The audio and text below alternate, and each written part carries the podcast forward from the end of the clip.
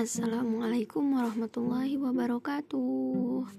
Selamat malam menjelang pagi. Eh masih jam 11 masih mal masih malam ya bukan pagi. Oke okay. selamat uh, selamat malam Jumat juga. Sekarang udah akhir bulan yang punya kerjaan mungkin menunggu awal bulan kali ya. Tapi kalau jadi ibu rumah tangga aku nggak menunggu awal bulan karena penghasilan setiap hari. Ya mantap. Oke. Okay. uh, eh, untuk melanjutkan aku mau bacain lagi nih. Hikmah dari buku Latahzan karya Dr. Ain Al-Qarni yang menjadi buku fenomenal di tahun 2000-an dan mungkin kalau kita baca lagi hari ini masih banget gitu ya ini tuh bermakna gitu untuk kehidupan kita apalagi kalau yang lagi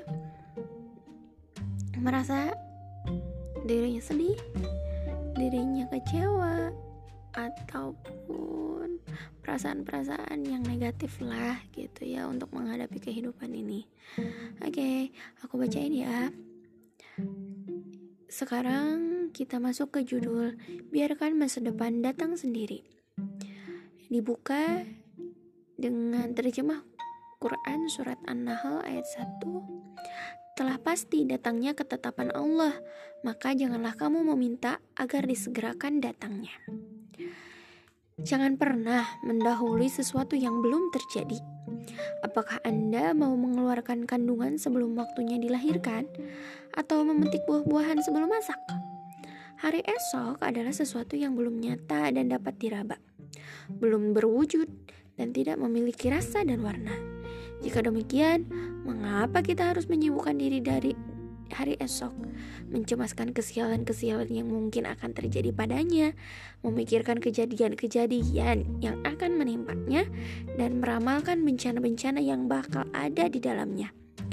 Bukankah kita juga tidak tahu apakah kita akan bertemu dengannya atau tidak, dan apakah hari esok itu kita akan berwujud kesenangan atau kesedihan? Yang jelas, hari esok masih ada dalam alam gaib dan belum turun ke bumi. Maka tidak sepantasnya kita menyeberangi sebuah jembatan sebelum sampai di atasnya. Sebab siapa tahu bahwa kita akan sampai atau tidak pada jembatan itu. Bisa jadi kita akan terhenti jalan kita sebelum sampai ke jembatan itu atau mungkin pula jembatan itu hanya terbawa arus terlebih dahulu sebelum kita sampai di atasnya dan bisa jadi pula kita akan sampai pada jembatan itu dan kemudian menyeberanginya.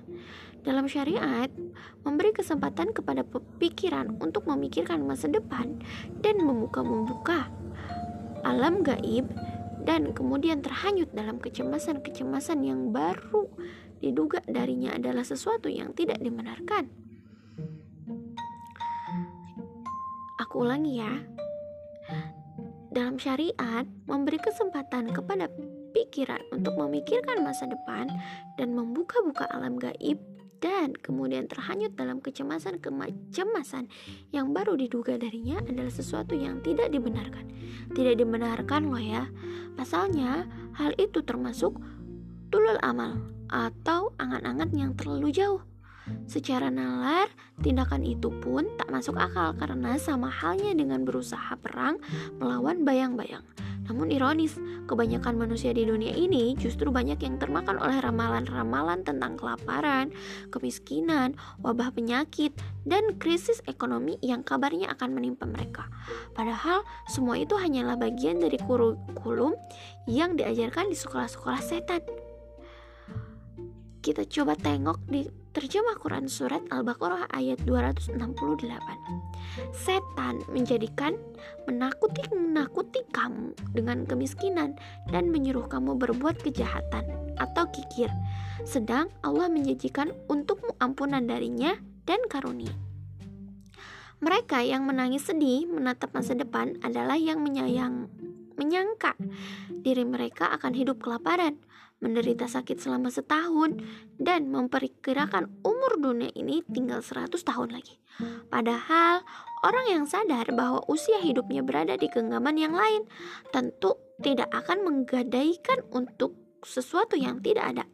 Dan orang yang tidak tahu kapan akan mati tentu salah besar bila justru menyibukkan diri dengan sesuatu yang belum ada dan tak berwujud. Biarkan hari esok itu datang dengan sendirinya. Jangan pernah menanyakan kabar beritanya. Dan jangan pula pernah menanti serangan petakannya. Sebab hari ini Anda sudah sangat sibuk. Jika Anda heran, maka lebih mengherankan lagi orang-orang yang berani menebus kesedihan suatu masa yang belum tentu matahari terbit di dalamnya dengan bersedih pada hari ini. Oleh karena itu, hindarilah angan-angan yang berlebihan. Nah, oke okay, teman-teman, luar biasa ya. Maka janganlah kita itu mempunyai kecemasan yang berlebihan. Meskipun ya kita lihat kondisi saat ini banyak sekali yang membuat kita berpikir yaitu karena mungkin tergerus oleh sistem yang saat ini tegak gitu dan memang dijerumuskan ke dalam hal-hal yang seperti itu maka kuatkan iman kuatkan tekad kuatkan tujuan hidup kita ya semangat untuk kita, semangat untuk aku juga, supaya kita hidup bisa lebih bermakna. Kita lakukan yang terbaik hari ini. Oke, cukup sekian. Semoga ini menjadi renungan pada malam ini. Dan bismillah, kita afirmasi positif di dalam diri kita bahwa kita adalah orang yang bahagia, orang yang yang terbaik, orang yang uh, taat beribadah, dan juga kita orang yang semangat untuk mengumpulkan pahala kebaikan-kebaikan selama di dunia ini untuk bekal kita di akhirat. Oke, okay. wassalamualaikum warahmatullahi wabarakatuh.